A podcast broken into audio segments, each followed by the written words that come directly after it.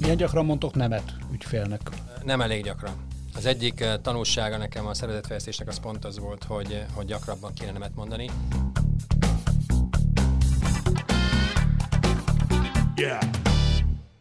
Sziasztok, ez itt a Reklámszünet, a 24.hu kommunikációiparral és reklámpiacsal foglalkozó podcastje. A mai vendégeim a Republic Group ügynökségnek a vezetői, Barna Tamás és Német Béla, és rögtön arra kérdez, arról kérdeznek benneteket, hogy mondjátok azt el nekem, hogy pontosan mi a kettőtök pozíciója között a különbség, mert hogyha jól tudom, akkor, akkor pont most volt egy viszonylag jelentős változás az ügynökség életében. Az ügynökségről annyit érdemes még tudni, hogy az egyik legrégebb óta a piacon levő hazai tulajdonú reklámügynökség, és nagyon fontos szereplője ennek a piacnak. Köszönöm szépen a felvezetést. Hát a kettőnk pozíciója annyiban változik, hogy én ugye 20 évig, több mint 20 éve vezetem a Republikot ügyvezetőként, most a Béla ugye a helyemben lépett, és én pedig sokkal több szakmai munkát szeretnék a jövőben végezni, tehát az ügyfelek felé fordulni, és a, a Bélához fog tartozni inkább azok a feladatok, amik mondjuk a cégcsoportnak a, a, az üzemeltetésével, a menedzsmentjével, a, a, a, a terjeszkedésével fontos dolgok. Azt elmondjátok, hogyha amikor cégcsoportról beszélünk, akkor pontosan miről beszélünk? Hány cégről van itt szó, és milyen a feladat megosztás ezek között, az ügynökség darabok között? Jó, hát ugye van a Republic Group, ami ugye az zászlós hajója a cégnek, ugye ő hozza az árbevételünknek a, azt hiszem most kb. a 70%-át, akkor a tavalyi évben ugye elindultunk, tavalyi évben elindultunk Németországba, ugye van a Német Republik, ami most azért eh, minden együtt azért gyakorlatilag ő is még egy elég komoly hozzájárulást hozzá bevételbe nekünk. Van a Time, ami pedig egy alapvetően rendezvényes bételügynökség, és akkor ez a három nagy láb az, ami leginkább kiadja ezt a kb. 2 milliárdos éves árbevételt. És ez azt jelenti akkor, hogy a német céget is innét irányítjátok? Teljes mértékben innét irányítjuk. És ez is Béla irányítása alá fog tartozni? Igen, igen, ahogy, ahogy Tamás is mondta, tulajdonképpen elosztottuk egymás között a, a feladatokat. Azért annyit a háttérről hagyd tegyek hozzá, hogy tulajdonképpen mi uh, már régóta dolgozunk együtt, egy együttműködés van, uh, miután elhagytam a, a, az IPG-t uh, közöttünk, de ez... De mondjuk el azoknak a hallgatóknak a kedvére, akiknek nem teljesen egyértelmű, igen. hogy mi volt a te múltad. Igen, igen, én, hát én, én 27 évig voltam az Interpublic Groupnál, annak a média csoportját vezettem. Ez egy nagy nemzetközi. Ez egy nagy nemzetközi. Ez tulajdonképpen a harmadik, negyedik a világon New Yorki tőzsdén jegyzett ilyen hatalmas konglomerátum, és ennek voltam sokáig az initiatív vezetője, utána a regionális igazgatója az initiatívnak, majd a Media Brands-nek, ami az összes többi médiaváltot tette össze. Magyarországon voltam vezetője, majd annak az utolsó tíz évben a kelet-európai régiót vezettem. És 19 augusztusában jöttem el, és, és tulajdonképpen egy pár hónappal később kezdtünk el beszélgetni Tamásékkal, amely tavaly szeptemberben egy olyan együttműködésé nőtte ki magát, hogy a teljes gruppon egy ilyen szervezetfejlesztési auditot végeztem, és Tamásnak az a remek ötletet támadt, hogy ne csak diagnosztizáljak, hanem műtsek is, tehát nem elég, hogy elmondom, hogy, hogy mit találtam, és mit javaslok ezekkel a dolgokkal kapcsolatban csinálni, hanem azt a kivitelezést is vállaljam magamra, hogy tulajdonképpen most január 1-től, mint CEO működöm, és ahogy Tamás is mondta, a, én igazából az operatív, első a management, cégmenedzsment, cégstruktúra típusú dolgokkal foglalkozom, míg, míg Tamás a szakmai oldalt, a, a márkastratégiát, amiben egyébként a, a a Republik mindig is erős volt, és akkor érdemes erre a, erre a kompetenciára szerintem tovább építeni. Ugye a, a szélesebb közvélemény számára a, a Republik ö, talán az egyik, egy másik alapítóról, Fabricius Gáborról ö, ismert, aki Geszti Péter mellett azt hiszem, hogy talán a, a, a második legismertebb, vagy hasonlóan ismert ö, reklámszakember. A kevés olyanok egyike, akit akit civilek is be tudnak azonosítani, mint a reklámszakmarca is ismernek. Ő neki most, ő ugye nagyon sokáig kötődött a céghez, neki pontosan mi most a szerepe a, a, a márkánál, vagy a, vagy a vállalatnál? Ugye a Gábor ugye alapítóként ugye ő pár éve egy innovációs igazgatói pozíciót tűzött ki magának. Alapvetően egyébként a mai napig a kreatív csapatnak a, a vízióját és a Republiknak a kreatív irányvonalát határozza meg, tehát ő is egyébként napi szinten benne van a munkában. Most egy éve egyébként filmet forgat, tehát ilyen szempontból volt egy kiesés, de, de alapvetően az ő a munkamegosztásban ő egyébként a kreatív víziónak a, a, a felügyeletét látja.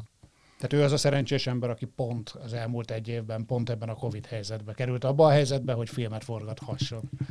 Lehet bele is majd külön, külön podcastot csinálni az elmúlt egy évéről, mert nehezen indult, ő átesett a betegséget, érintette is, és az élete lehetőségét is megkapta a filmmel, le is tudta forgatni, pont egy szüntet, tehát azért mindenképpen neki egy izgalmas év volt, igen. Én azért hagyd tegyem hozzá, hogy nekem szerencsém volt annak idején Geszti Péterékkel is dolgozni, és hasonlóan hozzájuk itt is Független attól, hogy a Barna Fabricius duó fémjelzi a, a Republic Groupot, itt azért én egy nagyon komoly szakmai stábbal találkoztam, akik közvetlenül a vezetőség tagként közvetlenül ezzel a két tulajdonossal dolgoznak, és azért így könnyű adott esetben filmet forgatni, hogyha, hogyha olyan embereket tud delegálni a munkát, akik, akik hozzáértőek, lojálisak, lelkesek. Úgyhogy a, a szervezetfejlesztésnek az egyik legfontosabb tanulsága az volt, hogy, hogy vezetőségi fronton egy nagyon erős brigád van Tamás és Gábor alatt. Hogyan zajlik egyébként egy ilyen szervezetfejlesztés? Bejön kívülről egy ember, akinek van 20 plusz év tapasztalata, azt mondja, hogy messziről jött ember, és akkor mondhat bármit? Vagy mi, mi, mi volt itt a feladat pontos, hogyha lehet erről beszélni? Abszolút lehet. Én megmondom neked nyíltan, hogy én nem tudom, hogy hogy zajlik egy szervezetfejlesztés, én azt tudom, hogy én hogy csináltam, és ez egy abszolút ilyen autodidakta módon próbáltam ennek így valahogy a végére jutni. Én azt a, egy óriási uh, kísértés van ilyenkor az emberben, hogy 27 uh, év multi tapasztalat után kész paneleket hozzon be a rendszerbe, és azt mondja, hogy ez működött ott, akkor itt is működni fog. Erre körülbelül négy és fél óra jöttem rá, hogy ez így nem fog működni. Szerencsére az első négy és fél órában is, nem a hetedik hónapban, vagy héten. Úgyhogy én azt csináltam, hogy én beazonosítottam körülbelül a, a, a Republic Group, tudom én, 30-40 százalékát közép- és felsővezetőket, és mindegyikkel kétszer, de, legalább, de inkább háromszor találkoztam. Különböző témájú, funkciójú beszélgetéseken vettünk részt, és ezeken a beszélgetéseken az általuk adott ilyen visszajelzéseket csokorba kötöttem, kategóriába kötöttem, a kihívásokat beazonosítottam, és utána ennek megfelelően egy meglehetősen hosszú listát állítottam össze arról, hogy, hogy milyen, milyen teendőink lennének ennél a cégnél. És jól értem azt, hogy ez időben, bár szándékban nem, de időben egybeesett a Covid helyzettel. Tehát, hogy hogy, hogy, hogy úgy kellett valamit átalakítani, hogy közben a világ is átalakult Így van. körülöttetek. Így van. Egyébként, egyébként én ezt az egész Covid helyzetet, mint annak idén a 2008-as, 9-es válságot, én, én abszolút egy menedzser szempontból egy komoly kihívásnak és egy izgalmas feladatnak tartottam. Itt is egyébként hasonlóan ahhoz azt kell mondjam, hogy ez a Covid helyzet, ez nem egy speciális helyzet most már, hanem ez a normalitás, és szerintem ennek megfelelően kell minden, minden cégvezetéssel kapcsolatos lépést megtenni. Úgyhogy nekem nagyon érdekes volt, mert pont a, a két hullám között kezdtem a szervezetfejlesztési auditot, ami azt jelenti, hogy az első egy-két kört a kollégákkal személyesen meg tudtam ejteni, és csak a második, harmadik, néha negyedik kört kell Teamsre vagy telefonhívásra ö, ö, visszavinnem. Úgyhogy ö, a tanulságokban pedig az egy nagyon fontos visszajelzés volt, hogy, hogy egyszerre kaptam megállapításokat a COVID előtti időszakban regnáló republikra, és a következő mondat az pedig az előtt, az, amit tudom, azt megelőző, nem tudom én, fél évről szólt, amit márciustól mondjuk érintette.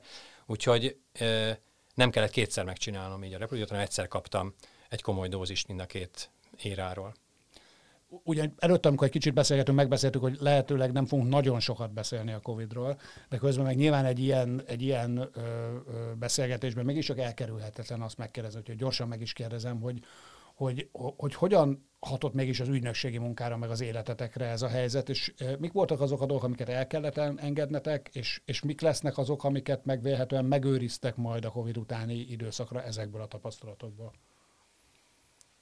Én a Ugye ez március 15-én, tehát most vagyunk egy éve ugye körülbelül ebben a helyzetben, amikor így bezártunk, ugye március 12-13-14-én, tehát körülbelül egy éve vagyunk zárva.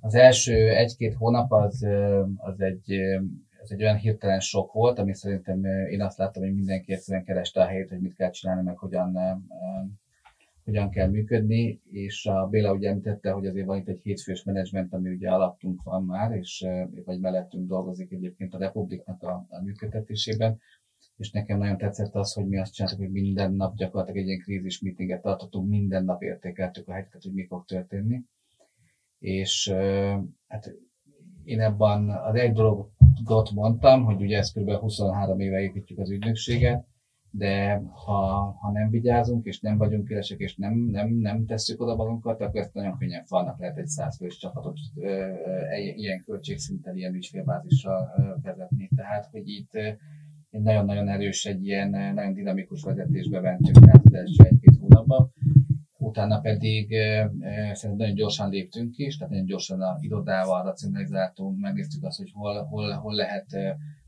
összevonni csapatokat, hogy lehet a működést átalakítani, hogy lehet ezt meg, megoldani. És én azt láttam, hogy ez ugyanúgy, ahogy a válság kezelésénél is nagyon jól működött, utána elsőként kezdtünk el visszajönni abba is egyébként, hogy elsőként léptünk arra, hogy milyen lesz már az új éra, tehát mivel nekünk nyárra készen volt egyébként az a iroda használat, az a működési struktúra, ami már nem, a, nem egy Covid utáni visszatérést mutat, hanem ami már, amit a Béla is mondta, hogy a normalitás, az új normalitás való visszatérést uh, alapozta meg, és de ez azt jelenti, hogy akkor, akkor már most tudjátok, hogy majd az év hátrávő részébe is, meg utána máshogy fogjátok szervezni a munkát, mint ahogy korábban csináltátok? Mi már nyáron azt mondtuk, hogy soha többet nem fogunk visszamenni az irodába, úgy, ahogy régen visszamentünk az irodába, mert ez a helyzet megmutatta azt, hogy, egy, hogy van nagyon sok előnye van ennek, hogy, hogy fölöslegesen nem kell ennyi embernek egy, egy területen lennie, hogy, hogy nem kell mindenkinek bejárnia, hogy otthon bizonyos esetekben nagyon hatékonyan lehet egyébként munkát végezni. Az, ami most van, az nem alkalmas erre. Tehát ez az hogy mindenki száz százalékban otthon van, és egy éve nem teszik ki a lábát, ezzel túl lehet élni, de ez nem egy jó működés. Szerintem ez hosszú távon káros, és így gyakorlatilag egy nagyon-nagyon lassú minőségi csökkenéshez vezet, amit most még lehet, hogy nem érzel, de hogyha öt évig lennék bezárva, akkor ezt nem így néz neki. De azt gondolom, hogy pont tökéletesen ugyanúgy visszatérni, és nem tanulni abból a helyzetből, amit egyébként túl, amint túl vagyunk most az elmúlt egy évben, az óriási hiba lenne, tehát szerintem hogy nagyon sokat lehet hatékonyságon növelni, szerintem sokkal kreatívabban is lehet dolgozni, szerintem sokkal jobban meg kell becsülni azt egyébként, hogy kik azok az emberek, akik önállóan képesek projekteket elvinni, és nekem nagyon fontos volt az, hogy HR szempontból például, hogy meg tudtam azt lépni, amit 2008-ban is egyébként a Republikot szerintem ez húzta ki, vagy ez volt az, ami nagyon-nagyon túlendítette, hogy amikor mindenki elengedi az embereket, nem akkor kell fölvenni, és a szeniorokat ilyenkor nagyon könnyen el lehet érni. És ne felejtsd el, hogy egy olyan időszakból érkeztünk be a reklámoldalról a, ebbe a helyzetbe, amikor egy munkaerőpiaci válság volt. Tehát épkézláb, jó minőségű szenior emberek elérhetetlenek voltak a piacon. Gyakorlatilag mindenki lasszóba szedte össze a jobbról balra egymástól, lopták le az ügynökség az emberek. És én azt látom, hogy az, hogy mi nyáron egyébként nagyon-nagyon komolyan megerősítettük a csapatot, az most ugye a januári tender cunamiban, most mi ezt így hívtuk, ugye, az gyakorlatilag be is érett. Tehát úgy érted, hogy szezonon kívül igazolni kezdtél, és akkor ezzel jó pozícióba jutottál emberekhez, jól értem, amit mondasz. Meg szerintem egyébként válságban, nehéz időszakban, amikor az ügyfélnek is válsága van és nehéz időszaka, akkor szerintem iszonyatosan fontos, hogy magas színvonalú stratégiai víziót kapjon. Én személyesen én is akkor éreztem meg először azt, hogy visszaléptem a, a szakmai munkába, sokkal erősebben, mint az elmúlt három-négy évben. Ekkor jöttem rá egyébként arra is, hogy ez nekem sokkal nagyobb örömet is okoz, és és szerintem mi ilyenkor kell szerintem szeniorok. Tehát egyszerűen az van, szerintem nehéz időszakban komoly szakemberekre van szükség, és azt kell tudni felmutatni, és szerintem mi ezt csináltuk meg 2008-ban, és én azt látom, hogy ez működik most is megütött a fülemet az a, a, a, abban, amit mondtál, egy, egy szó a kreativitás. Én ugye egy médiacégnél dolgozom, és mi itt azt tapasztaljuk, hogy a, a munkaszervezést az elég jól meg lehet, meg lehet oldani, meglepően jól meg lehet oldani, fél home office vagy akár teljes home office körülmények között is. Viszont a kollégáim arról panaszkodnak, hogy a legjobban a kreativitás tud ebbe sérülni. Ez egy kifejezetten a kreativitásból élő szakmában, mondjuk egy reklámügynökség vagytok, ott, ott, ott, ott mekkora problémát okoz? Tehát tudnak az ügyfélnek megfelelő kreatív megoldások úgy megszületni, hogy emberek csak képernyőn keresztül nézik egymást, vagy azért nálatok is időről időre be kell menni, és közösen kell ötletelni? Hogy, hogyan működik ez most? Ugye, tehát a kreativitás, egy, úgy képzel, én ezt mindig úgy képzelem el, mint egy tartály, amit mindig tölteni kell az e, inspirációval, és mindig tudsz belőle kivenni. Most vesszük ki. Tehát most azt történik, hogy nagyon keveset tudsz visszatölteni, és nagyon sokat veszel ki, hiszen ugyanannyit kell kiadni magadból, mint amennyit, e, mint amennyit e, a Covid előtt. Tehát kb. most azt kell mondanom, hogy éljük fel a tartalékokat, szerintem mentálisan is. Ez szerintem hazugság lenne, ha azt mondanám, hogy ez nem így van és hát a lehetőségekhez képest egyébként pedig iszonyat sok uh, inspirációs tréninget tartunk, uh, uh, foglalkozunk azzal, hogy egyébként ki hogy fordul be otthon, mit tudom én, egy év alatt a, a, a, abban a lakásban, amit egyébként arra vett ki bérletként, hogy reggel bemegy az irodába és éjfélre hazamegy, most a hirtelen a lakása irodája a munkahelyévé vált. vált. Tehát, hogy ez, tehát, hogy nyilván foglalkozunk velük a, a pszichéjükkel, Nyilván tartok nagyon sok előadást, de a kollégák is egyébként próbálják egymást inspirálni, tehát ez nyilván más azért, tehát én magamon is látom, és biztos te is tapasztaltad, például a mi szakmánkon a prezentáció egy iszonyatosan fontos terület, úgy prezentálni, hogy egy arcot sem látsz, és belelököd a poénokat, a nagymondást az éterbe, és, és nulla feedback, tehát ez egyszerűen szerintem iszonyatosan nehéz. És a kreatív ember meg alapvetően mégiscsak olyan, akinek szüksége van a visszaigazolásra. És ez változott is, nem úgy értitek? Úgy értem, az elmúlt egy évben, tehát az elején még bekapcsolt kamerás ö, ö, meetingeken ültünk, én egyre többet ülök nem bekapcsolt kamerás nem, meetingeken, nem, nem tudom, hogy megtudtam most már kikapcsolt kamerát. Pontosan ilyen megfontolásból? Azt gondolom, hogy szerintem ez nem a kollégákra vonatkozik, hanem rám is vonatkozik. Ha ki van kapcsolva a kamera, akkor én előveszem a telefont, akkor én elkezdek e-mailt nézegetni, tehát egyszerűen, és elvesztem a falalat. Szerintem nagyon nehéz odafigyelni. Tehát egy nézni, amennyire csak lehetné, tudni kell nézni egymást. Abban, hogy, hogy ha, ha jól értem, akkor ez egy olyan ö, hárhelyzet, ami, amiben korábban nem álltunk szembe. Ebben mennyit segít, legalábbis kis ö, cégeknél és a Republik ahhoz képest, ahol a Béla korábban dolgozott, mindenféleképpen kis cégnek, cégnek számít. Ebben mennyit segítettek a te nemzetközi tapasztalataid, hogy egy ilyen helyzetet seg- kezelje, vagy, vagy igazából ez irreleváns ilyen szempontból? Én nekem az volt, a, az, volt az általános véleményem, vagy erről az egész pozícióra, ami most kerültem, hogy, hogy én nekem volt egy, egy, egy általános menedzseri kompetenciám. A, nyilván ezen, ezen felül volt egy média tapasztalatom is. Amit a Republik leginkább tud használni, az sokkal inkább az általános cégvezetési tapasztalat. Én ezt a kompetenciát teszem bele ebbe a rendszerbe. Ennek nyilván vannak merítkezik olyan tapasztalati forrásokból, amely nem csak 2008-at tudja felmutatni, bár meggyőződésem, hogy ez egy kiváló teszt volt egyébként itt most a, a COVID által okozott válsággal kapcsolatban hanem mivel 12-13 országért voltam felelős, olyan soha nem volt, hogy mindegyik ország nyugodt volt és, és, és rendben voltak a dolgok, hanem mindig volt két vagy három krízis helyzetben lévő ország, tehát ez gyakorlatilag folyamatos krízismenedzsmentet kellett, kellett csinálni. Ez, ez, ez a tapasztalat, ez most is jól jön. Mind a, mind a felvételekben, mind a, a, a jelöltek személyének, képességének, republikosságának megítélésében, mert azért ez a cég és ezek a cégek, amely jellemzően ö, nagy ö, kommunikációs cégek, magyar tulajdonban lévő cégek, ezek ö, elég speciális állatfajt. Azért azt most már az elmúlt, az elmúlt pár hónapban azért ezt megtapasztaltam. Mi bennük a speciális? Érdekes, hogy a, hagy, hagy kezdjem egy picit távolabbról. A nemzetközi cégeknél mindig vannak ilyen buzzword.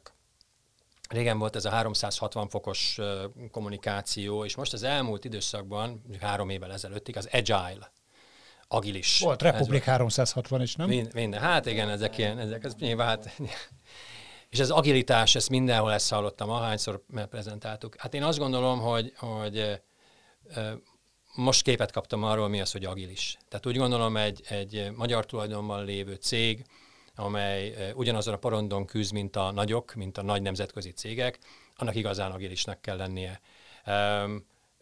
ez folyamatos vadász, vadászó vagy vadászat üzemmódot jelent, úgyhogy én nekem az egyik nagy tapasztalása az ez, hogy, hogy itt, itt egy pillanatig nem áll meg a, nem áll meg a dolog, itt, itt folyamatos, folyamatos a résen kell lenni. Itt, itt a vadászat alatt az ügyfélszerzésre a new businessen, hogy azt értjük?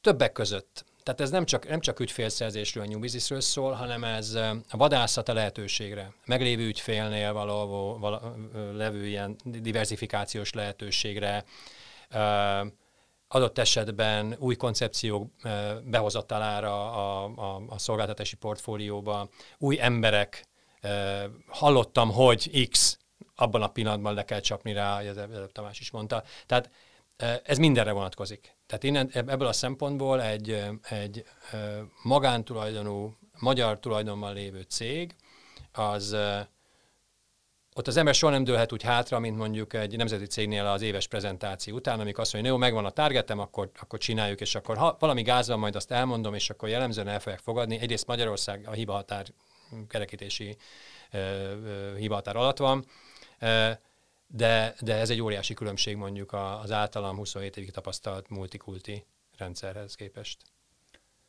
Ha már elkezdtünk az ügyfelekről beszélni, akkor beszéljünk még egy, még egy, még egy picit ö, ö, róla. Ugye sokszor hangzik ez ilyen, ilyen reklámos beszélgetéseken, hogy egy ügynökségnél érdemes jó ügyfélportfóliót ö, ö, kialakítani, amiben sokféle típusú típusú megbízó van. Szerintetek milyen a jó ügyfélportfólió, és mennyiben segít az ahhoz, hogy az ügynökség jóvá váljon, hogyha ilyennel rendelkezik? Egy ügynöks, ugye azért a, mi az elmúlt öt évben azért nagyon nagy fejlődésen mentünk át, tehát gyakorlatilag, az el, gyakorlatilag a, a, a növekedésnek a, a legnagyobb ütemét az elmúlt 5-6 évben értük el, és én akkor láttam azt, hogy Szerintem iszonyatosan fontos az, hogy, hogy az ügyfélportfólió az úgy legyen felépítve, hogy minden fontos szektor képviseltesse magát az ügynökségen belül, mert akkor tudom megoldani azt, hogy, hogy a csapata és a cég az stabilan működjön. Mik a fontos szektorok? Farma, energetika, banking,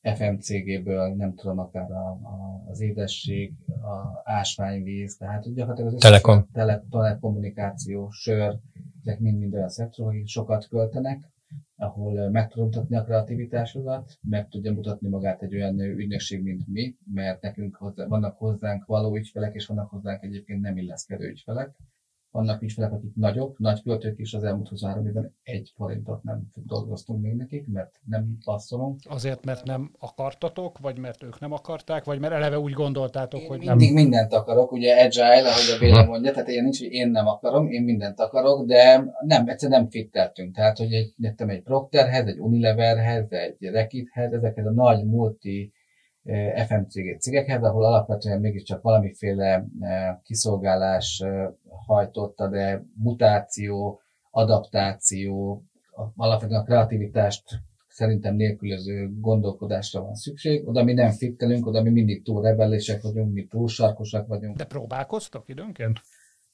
Én már nem próbálkozom, de én annyit próbálkoztam, hogy én már lejártam a lábamat, mert ugye mindig csak azt láttam, hogy de jó lenne, mert hiszen vannak nagyon jó márkáik, nagyon izgalmas projektek vannak, de egyszerűen azt gondolom, hogy valamivel, valami nem. De hogy a visszatérve a kérdésedre, ez a fajta egészséges portfólió felépítése, ez nekünk annyira szempont, ugye, hogy a Furák Andri személyében nálunk van egy portfólió igazgató, akinek semmi más feladata nincsen, mint hogy ezt az ügyfél portfóliót karban tartsa, és azzal foglalkozzon, hogy minden szek, fontos szektor képviseltesse magát, fel legyen úgy építve, hogy két év múlva, amikor az egyik elfárad, akkor a következő már be tudjon lépni. Tehát ez a fajta ügyfél portfólió felépítés és menedzsment, ez egy iszonyatosan hangsúlyos pozícionálunk. Én, én, én nem tudom ebből a szempontból most megközelíteni, mi a jó ügyfél, és nem akarok ilyen Forrest Gump lenni, aki egy buszmegálló padján a múltba réved, és, és mindig visszautal arra, honnan jött, de ami nekem egy nagyon, nagyon komoly tapasztalása az elmúlt hónapoknak, az az, hogy, hogy a kreatív ügynökségek alapvetően más kapcsolatot építettek ki az ügyfelekkel, mint, mint, mint mondjuk a médiaügynökségek. Tehát szinte, szinte intim bizalmi kapcsolat van a, a, az ügyfél és az ügynökség között, ami nekem borzasztóan tetszik. Tehát én, ha azt kérdezed, hogy ki a jó ügyfél? Az a jó ügyfél, akivel ki tudod építeni ezt a kapcsolatot. Mert onnantól kezdve az egy közép-hosszú távú együttműködés, ahol minden rezdülését lehet ismerni az ügyfélnek, ki tudod találni a gondolatait, adott esetben, ha elmondod neki, hogy mit gondolsz, Tamás, mint, mint stratégia, márka stratégia, hogy mit, mit, mit kéne csinálni, tenni az adott szolgáltatással vagy márkával, akkor hallgat rád, meghallgat, és, és ez egy, ez egy hihetetlen üdítő dolog nekem ahhoz képest, ahonnan jöttem, ahol azért szintén én mindig igyekeztem kiépíteni jó kapcsolatot, de, de ott azért a, az ügyfél lojalitás az egy, az egy az más, más dimenzióban volt, lévén, hogy pénzről volt szó, és értelmezhető a 100 forint, a 100 forint, a 95, az 95 forint, Úgyhogy nekem ez nagyon tetszik, és én, ha, ha, ha most meg kéne mondani, hogy mi a ügyfél, az a ügyfél, akivel ki lehet ezt a kapcsolatot építeni, a chemistry megvan. Milyen gyakran mondtok nemet ügyfélnek? Igen. Hát nekem az egyik, az egyik nem elég gyakran. Az egyik tanulsága nekem a szervezetfejlesztésnek az pont az volt, hogy, hogy gyakrabban kéne nemet mondani. Egyébként nekem ezzel kapcsolatban ez egy most egy trükket hagyároljak el, nem, nem jó úgy kiadni magunkat, de ha van két fél, és, és egy tárgyalás vagy egy konfliktus alakul ki, egyik sem szeret igazából, egyik sem szeret a nemmel szembesülni. Tehát nagyon sokszor szerintem, amikor nem merünk nemet mondani bizonyos dolgokra, mert esetben az, nem is az ügyfél érdeke, csak éppen kényelmes, vagy egy, egy szituációt akkor éppen megoldani képes szó, a, vagy, vagy, vagy bocsánat, brief, amire mi igennel reagálunk, ott lehet, hogy mind a két félnek az az érdeke, hogy itt egy nem előjöjjön, mert elindul egy beszélgetés. Miért nem? Azért nem, mert az neked is az a jó. Tehát én azt gondolom, hogy a, a nem az nem feltétlenül azt jelenti, hogy visszautasítasz valakit, hanem felhívod a figyelmet egy jelenségre, amit lehet, hogy ő egy pillanat hevében, amikor rövid távú, rövid távú célok mentén dönt, akkor nem, nem, nem nézi annak a közép vagy hosszú távú következményeit. Abban egyébként te látsz különbséget megint csak a nemzetközi tapasztalatokkal, vagy akár a német piacon mostanában szerzett tapasztalatokkal, hogy, hogy, hogy ügyféloldalon van-e különbség ezeknek a nemeknek az elviselő képességében Magyarországon, és mondjuk más piacokon. Tehát nehezebb itt nemet mondani, mint máshol. Ez teljesen személyiségfüggő. Tehát ez nem, ez nem piacfüggő, vagy nem, nem cégfüggő, ez személyiségfüggő, hogy az adott karakter hogy viseli azt, hogy a másik oldalon egy egy olyan szakember ül, akinek ő egyébként pénzt fizet. Tehát, hogyha elfogadja valaki azt a jelenséget, hogy én azért alkalmazok egy, egy márkastratégia ügynökséget, mert ő elmondja nekem, hogy mi a jó az én márkámnak vagy szolgáltatásomnak, akkor ő ezt a nemet ezt nem személyesen fogad, és nem, nem veszi a lelkére, hanem, hanem felmerül benne az, hogy ennek van egy oka, amiért az a szakember, akinek én fizetek, az, az nem elválaszol. Én azt gondolom egyébként, provokatív a kérdés, mert nyilván mondanánk azt, hogy nyugaton bezzeg olyan emberek ülnek, ne, ez nem igaz szerintem. Ott is abszolút személyiségfüggő. Én nekem rengeteg olyan tapasztalatom volt, amikor, amikor a, a szofisztikált nyugati marketing kommunikációs tudás ellenére a nemet nagyon-nagyon rosszul viselt egy ügyfél. Nyugaton vagy keleten, hogyha jól emlékszem még régebről, akkor nektek orosz piacon is voltak talán ö, ö, ügyfeleitek, de javíts ki, hogyha tévedek Tamás, tehát hogy vannak olyan tapasztalatok. voltunk, mi mentünk, tehát vezettünk be a Raiffeisen-t, vittük ki Bulgáriába, Romániába, illetve ha... Mindenesetre keleti piacokon. Legmesszebb az Kazasztán. Kazasztán. Kazasztánban, de az, az, egy, az, az egy... Erre emlékeztem, és az agyamban összemosódott. Volt szovjet tagállam. Az egy viszonylag, az egy, az egy projekt volt, és ott az végig az ügyfél maga az magyar volt, vagy legalábbis a közeg az magyar volt, tehát a, a raukot vezettük be egyébként. Almatiba, volt. Ez mindenféleképpen izgalmasan hát hangzik. Az nagyon, az nagyon, az, az is volt. Oké, okay, um, itt volt vendégem két héttel ezelőtt Gulyás János, a Magyar Reklámszövetség elnöke, és ő, ő nem túl optimista képet festett arról az a kapcsolatban, hogy hogyan, hogy mikorra várható a visszatérés a válság előtti állapotra. Ugye azt mondta, hogy 2022-ben állhat legkorábban vissza, vissza a, a, a piac. Ti hogy látjátok, ti is ennyire, ennyire pessimistán látjátok, és akár igen, akár nem, de mit gondoltok a 2021-es év lehetőségeiről? Hát ugye alapvetően valószínűleg azért, a, a, amit a János mondott, az, az az egész tortára, vagy inkább a leghangsúlyosabban a médiára vonatkozik. Én azt tudom mondani, hogy bár nagyon megszenvedtük a, a lelkileg az évnek az elejét, de mi nekünk árbevételben is, és nyerességben is a legmessze a legeredményesebb évünk volt a tavalyi év. Tehát És ilyen szempontból én azt gondolom, hogy igenis vannak technikák és, és, és lehetőségek arra, hogy, hogy ne áldozatként viseltessünk egy helyzetben, hanem higgyük el, hogy tudunk a dolgokon változtatni, és aktívan részt venni. És ilyen szempontból kicsit azt talán kevésnek is érzem mondjuk egy szövetségi elnök részéről, hogy ő pessimistán tekint a jövőben. Én sokkal jobban üdvözölném azt, hogyha látnám azt, hogy mondjuk mi az, ami történik, vagy mi az, amit mondjuk a szövetség tesz, és, és, és, és amivel támogatja azt, hogy mondjuk ez a piac ez hamarabb felépüljön. Tehát, hogy így, én a republikon belül sem szeretem a károgást, mert nem tudok vele mire menni, nem tudok vele mit kezdeni, csak azon túl, hogy leelbúsulok hanem szerintem valami akcióterveket lenne érdemes kidolgozni arra, hogy mit kezdünk a rendezvény szakmában dolgozó kollégákkal, hogy, hogy mit kezdünk azzal, hogy mondjuk a hogy hogyan alakul át a piac, az állami részvétel mennyire erős, hogy hogyan alakítjuk a versenyt a piacon. Tehát ezek mind-mind olyan szempontok, amivel szerintem foglalkozni kell. És uh, ilyen szempontból én nem, én nem gondolom azt egyébként, hogy pessimistán kéne látni a, a jövőt. A kreatív piacon az ügynökségnek a kreatív, az ügynökségi világ kreatív oldalán szerintem ugyanannyi munka van, mint amennyi volt tavaly. Tehát én, én egyszerűen ezt nem látom, hogy ez kevesebb lenne, sőt, nekünk, tehát a meglévő ügyfeleinken is egyébként szinte több munkát kaptunk, hiszen az évelején a COVID információk, ki, amiket ki kellett adni, az ügyfeleknek, a, az ügyfelek ügyfeleinek a tájékoztatása, tehát számtalan olyan projekt volt, ami extraként jött be, tehát mi biztos, hogy sokkal többet dolgoztunk, mint amit dolgoztunk mondjuk egy évvel korábban. Tehát az egy más kérdés, hogy nyilván a piacból önmagában egy egész nagy halmaz, az rendezvény, az úgy esett ki, hogy ezt nullára lement. És van arra esély, hogy ez még egy darabig így is maradhat, sajnos attól félek. Hát ugye a rendezvénypiacon én is érdekelt vagyok, nem csak a, a, a, a, az ügynökségi oldalról, hanem még ugye a Brand Fesztivált sem tudtam tavaly megtartani hát ez egy óriási kérdés, hogy valaha egyébként abban a formában lehet-e majd rendezvényt, vagy Brand Gondolkoztok egyébként az idei Brand Fesztiválon? Hogy ezt ugyanúgy október végén meg fogom rendezni, mint ahogy korábban.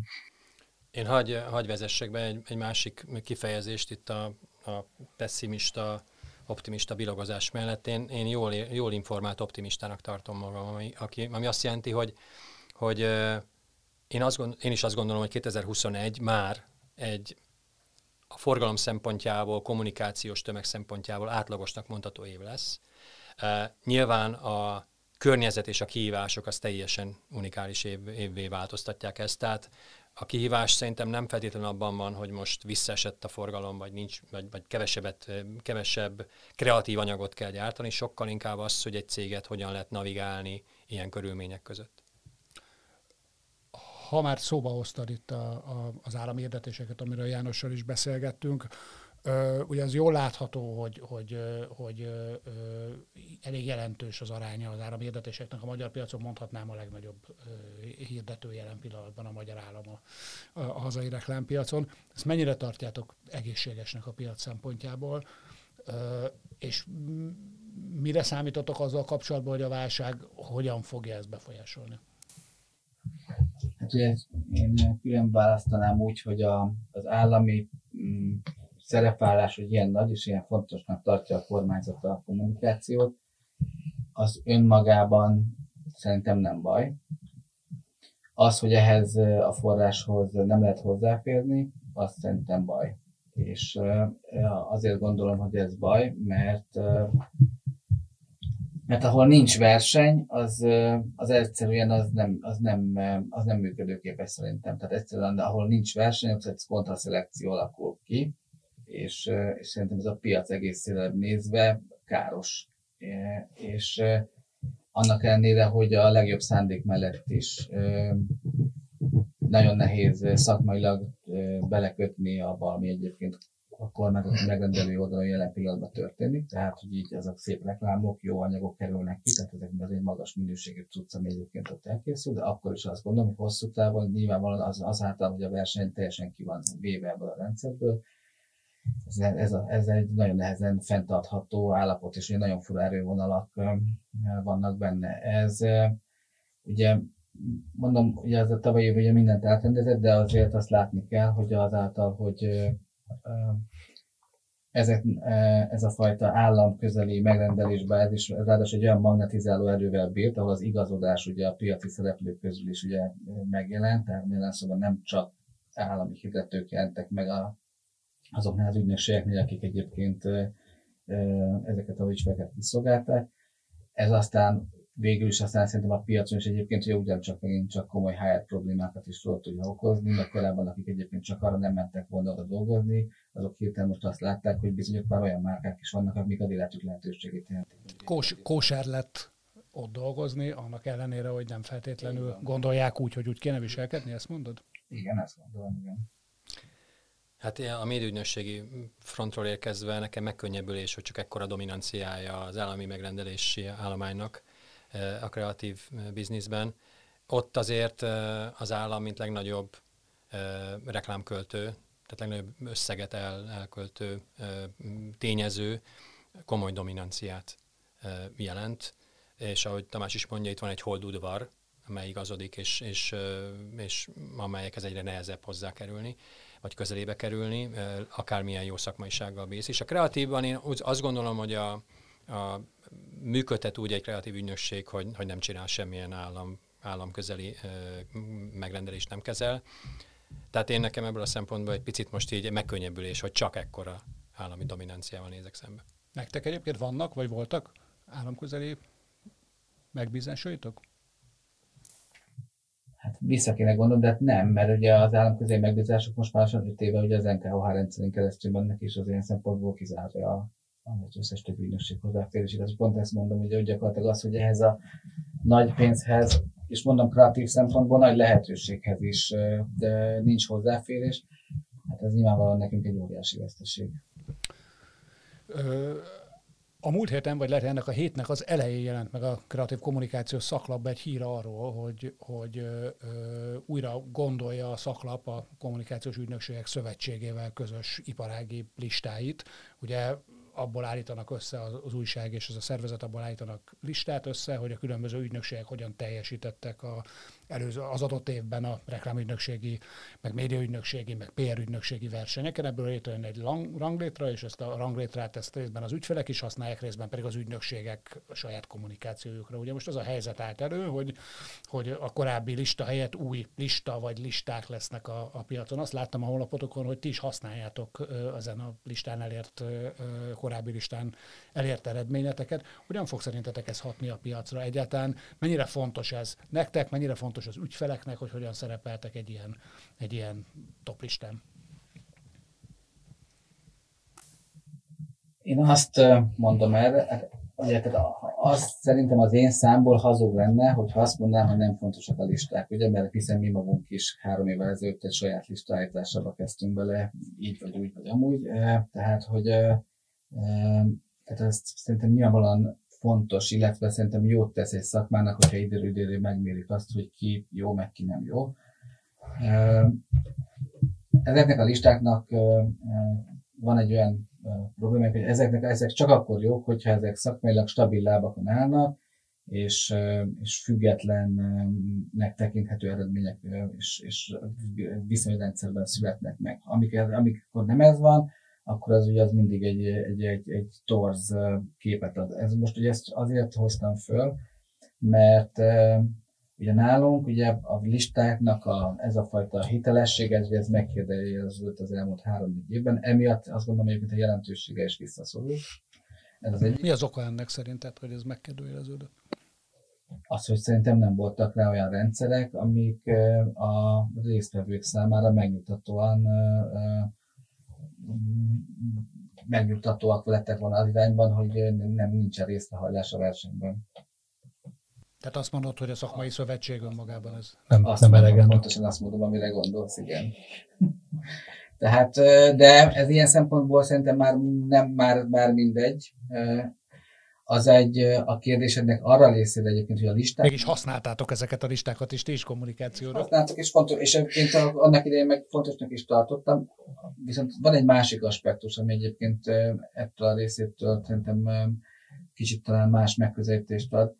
Szerintem egyáltalán iszonyatosan nagy kérdés egy ügynökség számára, és ugye nekünk, mint a piacon lévő ügynökségnek nagyon fontos, hogy mindig meg tudjuk magunkat különböztetni, hogy milyen olyan híreket, meg milyen olyan dolgokat tud magáról mondani, ami hosszú távon képes a figyelmet fenntartani. És nekem nagyon érdekes volt, hogy most nem tudom, voltak diátadók online, meg ez az amag, és én láttam, hogy kiraktak ügynökségek, hogy az év ilyen ügynöksége, év PR ügynöksége, stb. stb. És hogy azt láttam, hogy az volt az érzésem, hogy egyszerűen ez senkit nem érdekel. És nem azért, mert hogy az ő eredményük egyébként megkérdőjelezhető, mert nem az, hanem azért nem, mert egyszerűen olyan mennyiségi információ van, és mivel, hogy még csak azt se tudom, hogy személyesen meg se tudom élni, már az az élményem sincs meg, hogy lemegyek abba a szerencsétlen akváriumba, iszom egy sört, megirigykedek arra, hogy az, az, az a disznó megnyerte, én meg megnyertem, vagy én megnyertem, és ő irigy. Tehát egyszerűen semmilyen interakció nincs, nem fűződik hozzá élmény, minden ilyen díj, ahhoz képest, és minden ilyen lista, ahhoz képest, hogy milyen erőfeszítésekbe kell egy ügynökség részére, mert azért itt azért nagyon-nagyon komoly pénzek durrannak el, vagy durrantak el fénykorunkba, tehát ez bőven 20 millió forint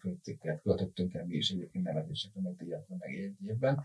Évente 20 millió forintot, azt mondod. A fölött költöttünk el. Ha nevezéseket veszed, a filmeket, a késztadikat, és akkor ebben még nincs benne egyébként az ember óra. Tehát Szóval az ünneplés és a bosszankodás hiányzik belőle, azt mondod meg azt mondom, hogy ma már szerintem egyáltalán nem biztos, hogy erre a fajta Szerintem most egyszerűen más világ, másra kíváncsiak szerintem az emberek, és, és nem mint arra, hogy a saját mellünket velegetjük, hogy sikerül, sikerül, én ügyes vagyok. Ahol én jövök, az ilyen vitákat úgy szoktuk elintézni, és most le, valami, valami bulvár szöveg lenne, de nem. Valami nagyon frappánsat. Ha igen, hogy behívtuk a Big Four egyikét. Tehát ilyen volt például annak idején a People Meter mintának a reprezentativitása, ahol beívtuk a Big Four egyikét, és ő leauditálta, és azt mondta, hogy igen vagy nem. Én, én egyszerű srác vagyok, tehát én azt gondolom, ezt mondtam Tamásnak is, hogy nem értem, hogy a bármelyik szövetség miért nem, miért nem szerződteti nyilván a tagok által befizetett összegből a Big Four egyikét, aki azt mondja, hogy ezt a, ezt a fesztivált, vagy ezt a, a, a, a hogy hívják ezeket, listát, listát vagy bármit, ezt, ezt ő auditálja, a, a kiválasztási szempontokat adott esetben e, szintén átvilágítja, az esetben ő le is menedzseli, tehát mindenki át tud dölni, hogy ez jó kezekben van, és semmilyen kritika nem érheti a, a magát a rendszert. Én ezt csinálom.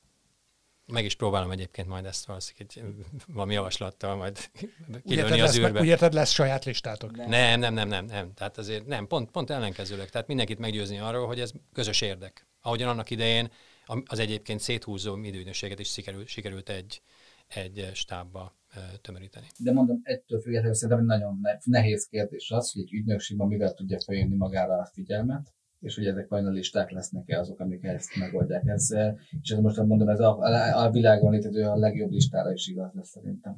Ha, ha már így elkezdtünk a, a jövőről beszélni így a vége felé, akkor, akkor próbáljunk még egy kicsit ennél, e, e, ezen is túllépni, mint ahogy úgy, túlnézünk a, a Covid-on is. Mit, mit gondoltok, hogy mi lesz a következő nagy kérdése, hogyha, hogyha valamennyire normálódik, normalizálódik újra, újra az élet, akkor mi lesz a következő nagy kérdése ennek a, ennek a reklámkommunikációs és médiaiparnak? És kik fognak tudni válaszolni ezekre a kérdésekre? Hát a, a biztos, hogy a, a, a, az, hogy valamiféle én azt, azt valahogy ne, ne, nagyon nehéz ugye meg gyorsul. Én nem, a, amikor nyáron visszatértünk a munkába, én azt mondtam, hogy én nem látok előre, és nem fogok stratégiát csinálni 2000 20 második fél évre, 2021 első fél évre nincs republikos céges stratégia, sprintek vannak. Két hónapos, három hónapos sprinteket rakjunk össze, mert én egy dologban nem csalódtam még az életemben, abban, hogyha dolgoztam. Tehát én 16 éves koromban minden nap dolgozom, és ez egyébként ez egy az, ami még soha nem hagyott cserben. És azt gondolom, hogy szerintem most így, én, én nem látom azt, hogy milyen nagy víziókat lehet hogy mi lesz a médiában, mi lesz a kommunikációban, hogy lesz a Facebook. Lehet, hogy a Facebook is kivonul egyébként, nem tudom, egy hónapon belül Magyarországon, mit, nem tudom, fogalmam sincs. Egyszerűen annyira kavarog, annyira sok szempont van egyszerűen, hogy ezt, ezt nem lehet látni. Én egy dologban hiszek, hogy, hogy a, a lehető legakkurátusabban, a lehető legjobb minőségben, iszonyatosan élesen jó megfogalmazott márkastratégiákra van szükség, amiket amiket valami módon így megpróbálsz áttolni és végig, végigvinni az ügyfeleken. Én mondom ezt személyesen, és azért jöttem ebbe bele, mert azt érzem, hogy egyébként nekem ez könnyebben megy, mert valahogy nekem az nyilván nehezebben mondanak ellent még az ügyfelek is. Mert azt gondolom, hogy szerintem most ez az üdvös, és ezt kell most csinálni hogy apró munkával nem nagy jumpokat csinálni, hanem egyszerűen egy-két hónapos sprintekkel előre menni. Az, hogy mi lesz a nagy buzzword, hogy nem tudom, azt, azt, azt én, én nem tudom megmondani, ez rajtam túlmutat, ez biztos. Én sem tudok ilyet mondani. Én azt gondolom a legfontosabb, hogy valahogy rajta tartsuk a események púzusán a kezünket, és az ijegység idő hosszát azt le kell rövidíteni. Az ijegység természeténél fogva egy lefagyást jelent. Ha megijesztenek téged, akkor lefagysz egy pillanatra. Ha egy ilyen szituáció kialakul, mint amilyen most éppen vagyunk, akkor valaki egy napra fagy le, valaki hónapokra lefagy. Nekünk azt kell, azt kell elérni, hogy bármi történik a piacon, már ne lepődjünk meg, mindenre legyen valami válaszunk. Egyébként pont a szervezetfejlesztési audit alapján meghatároztunk úgynevezett quick és slow wineket. Nyilván a quick win az az, amit aránylag rövid idő alatt nagy hatást, nagy hatást tudunk elérni bizonyos intézkedésekkel, a szlóvinekkel az nagyobb erőfeszítés, de hasonlóan nagy hatást lehet elérni. Ezeket folyamatosan, folyamatosan vizsgálni kell, és folyamatosan analizálni kell azt a helyzetet, amibe kerülünk és kerülhetünk. És akkor szerintem nagy meglepetés már, nagy ijegység már nem érhet minket. Nagyon szépen köszönöm, hogy itt voltatok. Ez volt a Reklámszünet, a 24.hu reklámpiaci és kommunikációipari podcastja. Két hét múlva jövünk legközelebb. Nagyon szépen köszönöm Barna Köszönjük a meghívást. Köszönöm szépen. Yeah.